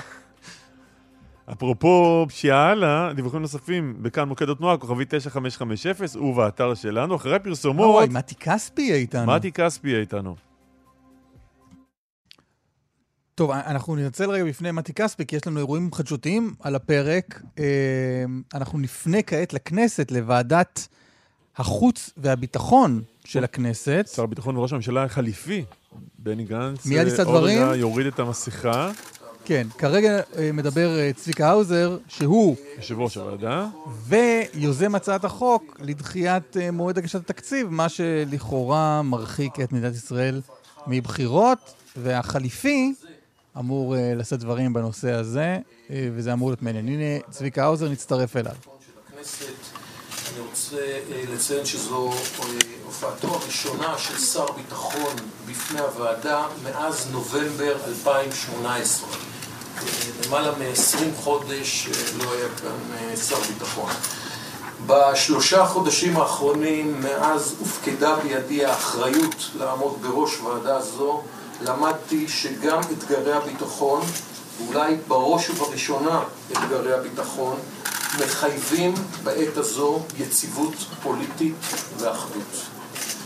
בעוד אנו היינו עסוקים בשלושה סבבי בחירות, הייתי מגדיר את זה אפילו עקובים מדם, ובמשבר כלכלי ובריאותי של הקורונה, איראן וגרורותיה, החיזבאללה, החמאס, לא נכנסו לשנת חורף. אויבינו משוועים לחוסר יציבות. חמינאי מייחל לעוד סבב בחירות. נסראללה מייחל ללבנוניזציה ישראלית. אם לא נתעשת מיד, ניתן להם את כל מבוקשם על מגש של... טוב, דירקטוריון התוכנית החליט שאנחנו אה, נחזור לבני גנץ אה, כשיישא דברים. פה אחד. אה, לא תפספסו את הדברים החשובים, אולי, שיאמר בני גנץ. מתי כספי, שלום. שלום, בוקר טוב. מה שלומך? טוב. בוא נשמע ביחד אה, דברים שאמרת בסרטון בעמוד הפייסבוק שלך. אחרי שההוא מבלפור החליט לסגור את הספרייה הלאומית, החלטתי להגיב. אני מציע שהדיקטטור ינהג על פי מה שהחליט. מאחר שסגר את כל הקשור לתרבות, והרס את חיי כל העוסקים ביצירת התרבות, שיסיר מהקירות את כל התמונות התלויות שם, ושיקח את יצירות האומנות המצויות בביתו, וישמיד אותם מיד. כך יעשה גם לכל התקליטים, הדיסקים וה-DVD שמצויים ברשותו וברשות הפרזיט שגר אצלו, ושישרוף את כל הספרים שיש לו, ושלעולם לא יצפה יותר בסרטים ולא יאזין למוזיקה אף פעם. כך הוא ייהנה יותר מהחיים שכפה על אזרחיו. אלה דברים אה, חריפים, איך לומר בלשון המעטה. כן, הם גם נכונים בלשון המעטה. כעסת מאוד, אתה עדיין כועס. אה, לא, אני לא אדם שכועס. אה, סף הכעס שלי הוא מאוד מאוד גבוה, אני רגוע. אבל אה, ברגע שאני מתחיל למצוא חוסר היגיון, אה, מעשים אה, תחת מעטה הקורונה, שהם אה, לא הגיוניים בעליל, אז אה, זה מעיר אותי. אני אתן אה, דוגמה, אה, כשהוא אה, הורה לסגור את הספרייה הלאומית, אני לא מבין איך זה קשור לקורונה. אני לא מבין איך סגירת ספרייה לאומית, שהיא אה, אה, כוללת אה, בתוכה אה, היסטוריה של העם היהודי, אה, תרבות של העם היהודי, על כל גווניו אגב, משני אברי המתרס, ימין ושמאל, זה לא משנה. אני לא מבין איך סגירת הספרייה הזו תשפיע לטובה על המגפה ותמגר אותה. הוא לא הורה על סגירת הספרייה הלאומית. אלא? יש בעיות תקציב, ולכן הוציאו את העובדים לשבועיים חל"ת. אה, אוקיי. אז בואו נמתין שבועיים, ואם הם לא יחזרו, אז דבריי עומדים בעינם. אז אולי קצת הזדרזת? לא. אני uh, יודע שההנחיות האלה הן הנחיות uh, שמפרסמים שהן זמניות, אבל אין להם, uh, אין להם באמת תאריך יעד ל... להפסקת ההנחיות האלה. לא, אבל זה לא הנחיה של ראש הממשלה, יש שם בעיות. יש בעיות תקציביות, כמו בהרבה מקומות, אנחנו בכלל נמצאים בבעיה בתקופה האחרונה, אבל אין הנחיה של ראש הממשלה, גם על היציאה לחל"ת, זו לא הנחיה של ראש הממשלה.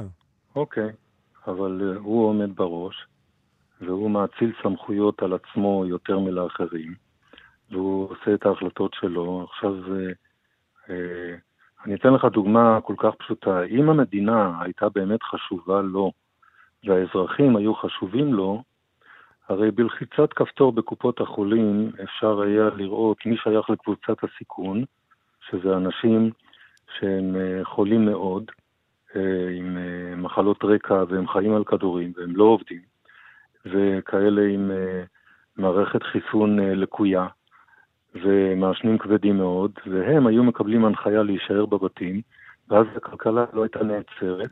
וחייהם של מעל מיליון אנשים לא היו נהרסים. רגע, אולי, אולי נגיע לרעיון הזה בהמשך, אבל אני קודם רוצה להבין, הסרטון שלך, בכל זאת הורדת אותו מעמוד הפייסבוק שלך. אני הורדתי אותו כי קיבלתי איומים, ומאחר שאין לי שומרי ראש, אז אני אעשה את המינימום, כי אלה שמאיימים בדרך כלל, הם שומעים מה נאמר ועל פי זה הם מחליטים, הם לא כל כך קוראים.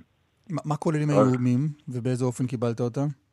באופן מרומז, בהודעות אה, לתוך הפייסבוק, אה, ואני מבין רמזים היטב. מה אמרו?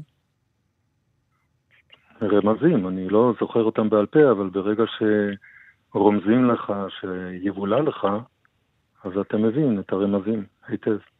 ובכל זאת אתה הורדת את זה מעמוד הפייסבוק שלך, ובכל זאת אתה, אתה חוזר על הדברים כאן ברדיו. נכון.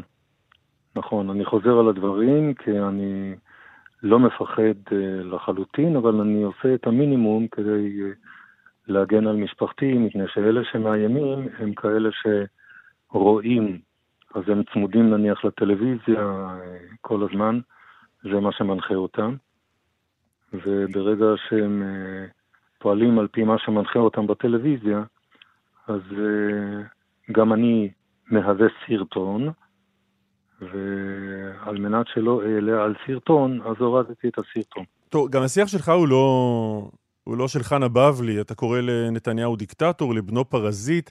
תסביר לי את הביטוי הזה דיקטטור, כשהאיש אך לאחרונה נבחר בבחירות דמוקרטיות.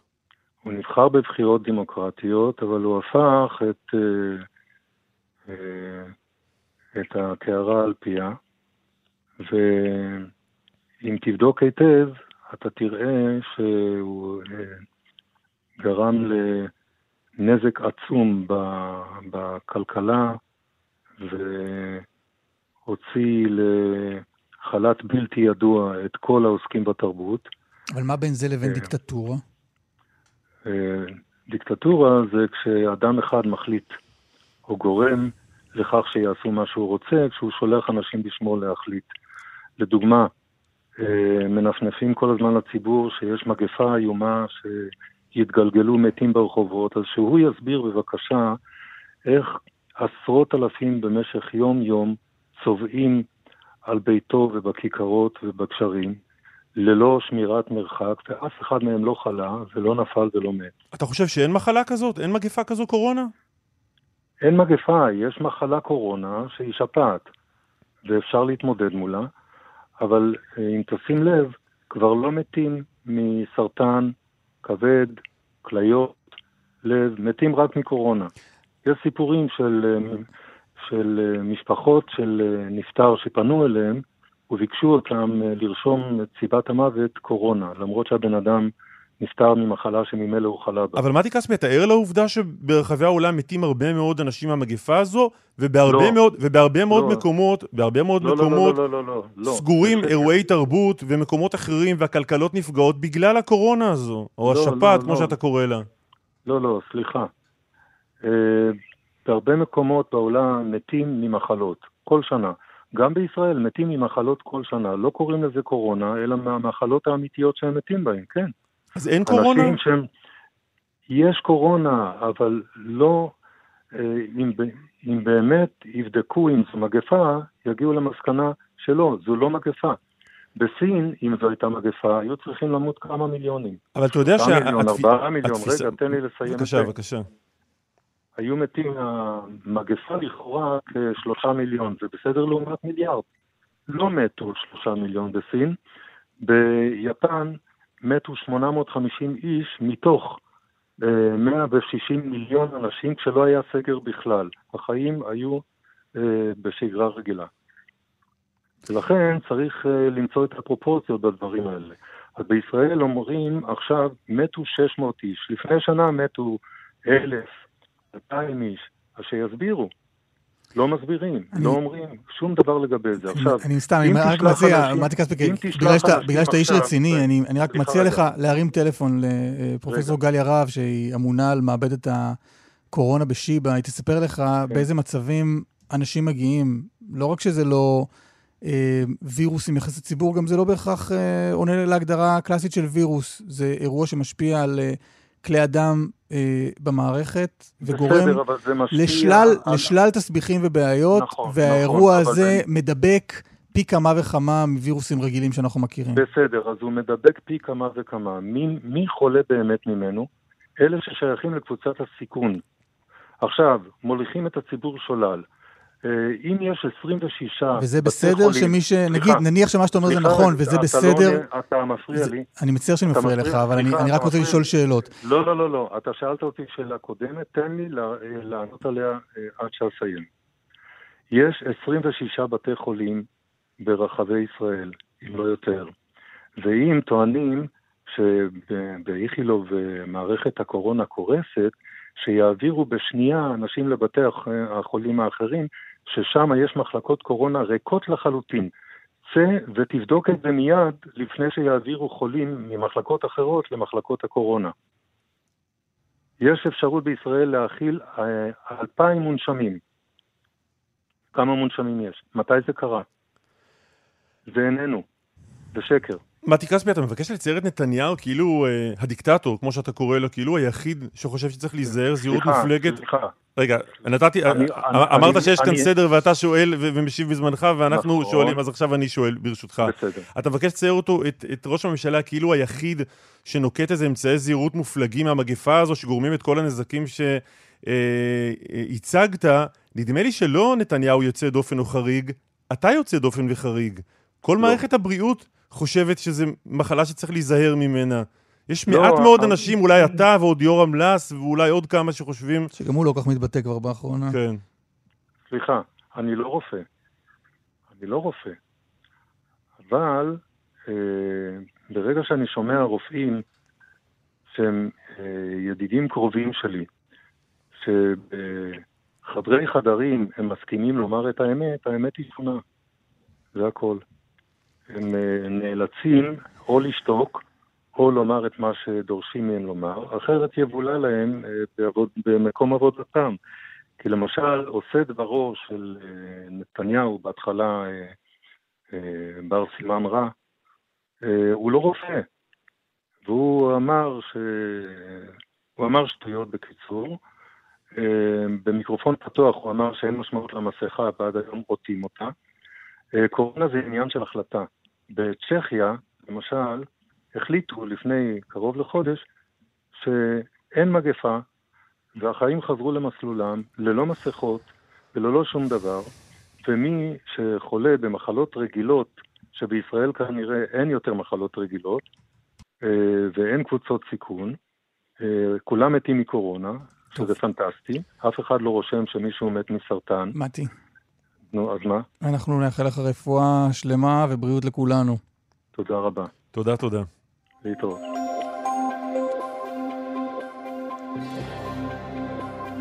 זו שיחה שקיבלה תפנית בשלב מסוים, נכון? תפנית זו הגדרה נכונה. כביש החוף לכיוון דרום עמוס ממחלף אולגה עד מחלף ינאי, כביש ירושלים תל אביב עמוס ממחלף גנות עד קיבוץ גלויות. עוד דיווחים, כאן מוקד התנועה כוכבי 9550 ובאתר. אחרי הפרסומות כאמור, בני גנץ נושא דברים. אנחנו נתעדכן בדברים שלו, שחלקם מעניינים. לא, רגע, אבל דרוקמן, אבל הבטחתי אה, בני גנץ, אתה, אתה גורם לי לא לעמוד במילה שלי. הבטחנו שבני גנץ, בני גנץ סיים uh, לעשות דברים.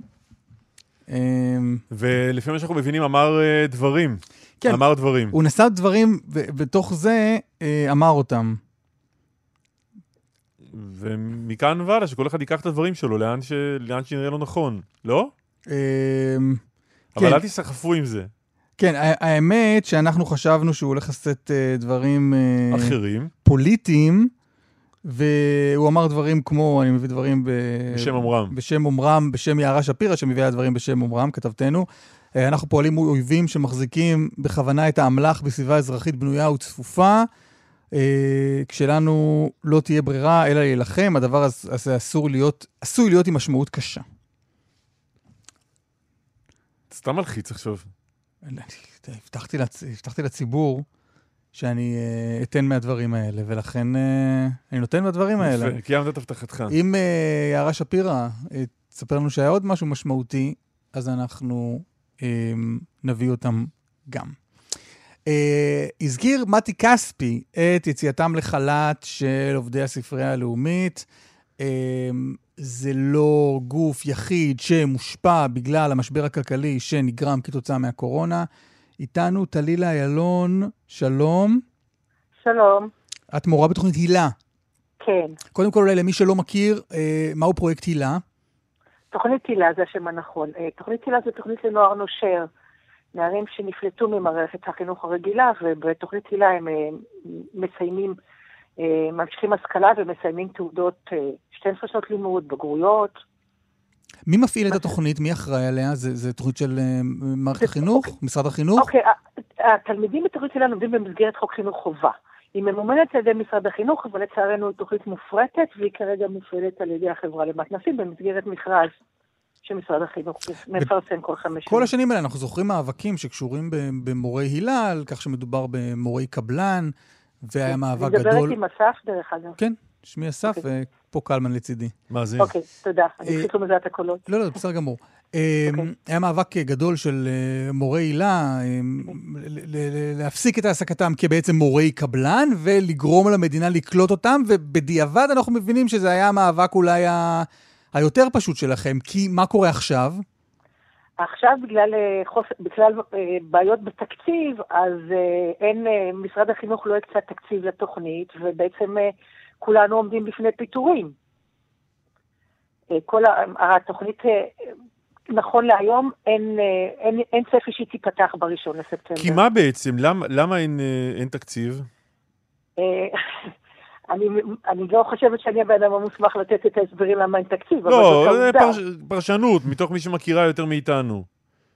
כי, כן, המד... כי המדינה לכאורה מתנהלת עם תקציב שאומנם הוא לא אושר, אבל הוא 1 חלקי 12 ו- ו- ודברים אני, קורים אני פה. מבינה שכרגע התקציב כנראה של משרד החינוך הוא, הוא קצת, הוא לא קיבלו במלוא התקציב אה, כמו שקיבלו בשנים קודמות, אז הם החליטו פשוט להפסיק את כל התוכניות שהן כאילו חיצוניות ללימודים בבית ספר. ומשום מה הם גם כללו את תוכנית הילה בקטגוריה הזאת. אתם ודאי, אנחנו כולנו יודעים שסגרו את תוכנית קרב, סגרו את סל תרבות, תוכניות שנקראות כאילו על ידי משרד החינוך. רגע, אבל מה, מה. מה מצבך כרגע? מבחינת העסקה שלי בתוכנית הילה. כן. אנחנו נמצאים, כן, אנחנו עכשיו מתדיינים מול המעסיק ומול, אה, בעצם מול המעסיק בבית משפט, באיזה אופן אה, יפסיקו את ההעסקה שלנו. אם יפטרו אותנו כבר עכשיו, או יוציאו אותנו לחל"ת, ואם לא ייכנס תקציב, אז יפטרו אותנו בראשון לספטמבר. כרגע בכל מקרה חופש גדול, נכון? כן, אוקיי, כן. כולם בחופש גדול, אבל המורים בבתי הספר יודעים שהם חוזרים לעבודה בראשון לספטמבר, אנחנו לא. ואתם בעצם מחכים להחלטה כרגע בעניין הזה. יש, יש, הכרע- יש דיון בבית המשפט, בבית הדין לעבודה, שהוא רק עניין של איך מתנהל הליך הפסקת ההעסקה. אנחנו מחכים להחלטה של הדרג הפוליטי, שיחליט שתוכנית כזאת לא סוגרים. תגיד, תגידי מילה אולי על החשיבות שאת רואה בתוכנית הילה. זה, נער, זה נערים שנפלטו מכל מסגרת אחרת, ואם, אה, ואם הם, אם יסגרו את המסגרת הזאת, אז לא יהיה להם איפה להיות. לא יהיה להם מסגרת שתחזיק אותם, הם לא יוכלו לסיים לימודים. העתיד שלהם ייהרס, ההווה שלהם ייהרס. יש לנו דף פייסבוק שנקרא הדף הרשמי של מאבק מורי הילה למען משהו כזה. יש שם עכשיו בימים האחרונים עשרות פוסטים של נערים בתוכנית שמספרים מה זה בשבילם אה, לאבד את המקום הזה, שהוא גם לא, הוא לא רק בית ספר, הוא גם בית. אז, אה, אז חוץ מה... זאת אומרת, אנחנו כמובן גם כן, 1,500 מורים עכשיו נמצ... אה, בסכנת אה, פיטורים. בסוף אוגוסט, שאנחנו לא יודעים אם נצליח למצוא גם מקום אחר, אבל הנזק הגדול יותר הוא ללא ספק לתלמידים. טלילה, תודה רבה. תודה לכם. יום טוב. על רקע אות הסיום נחזור ליערה שפירא, כתבתנו בכנסת. שלום, אה, יערה. כן. נחזור לכנסת, לא נחזור ליערה שעולה פה לראשונה, זה השידור הזה. מה אמר בני גנץ? האם דברים שראויים להיחקק אה, בדפי הנצח של ההיסטוריה? תראה, דיבר בפתח אה, ישיבת ועדת חוץ וביטחון, הוא הגיע לשם אה, למסור, למסור אה, סקירה. אומר קודם כל, אנחנו במציאות מזרח תיכונית שמתערערת ואנחנו צריכים להבטיח שאנחנו לא מסתחררים עם המערכת האזורית, אלא נשארים יציבים וחסונים, כוונתו מן הסתם להליכה לעוד מערכת בחירות. אומר גם, אנחנו הגענו עם רוב החברים להסכמה על חוק הגיוס, ואם לא תהיה ממשלה, לא יהיה גם חוק גיוס. חבל שנפספס את ההזדמנות. אה, לצד אסף אמירות כן מעניינות לגבי רפורמה שהוא מתכנן לעשות, אה, פרסמנו את זה גם אה, כאן לפני כמה ימים, לעניין השירות הצבאי, אה, לטפל אה, גם ברפורמה שתביא לשירות אה, בדרכים אחרות, בשירות ביטחוני אלטרנטיבי, במוסדות חירום כמו המשטרה והשב"ס, ומוסדות סיוע קהילתי אחרים. לפניו דיבר חבר הכנסת צבי האוזר מדרך ארץ, שגם בירך את גנץ על התמיכה שהביע בחוק שלו שידחה את המועד הסופי להעברת תקציב המדינה. ובכך נאלץ לסיים, יערה, כי נגמר לנו הזמן. תודה רבה. תודה. למי עוד תודה? איתמר דרוקמן, נדב רוזנצוויג, אליה גאנה, אמיר שמואלי, אהוד כהן, קלמן ליבסקינד. אסף, אנחנו נשאר יציבים וחסונים כמו שביקש בני גנץ. תמיד.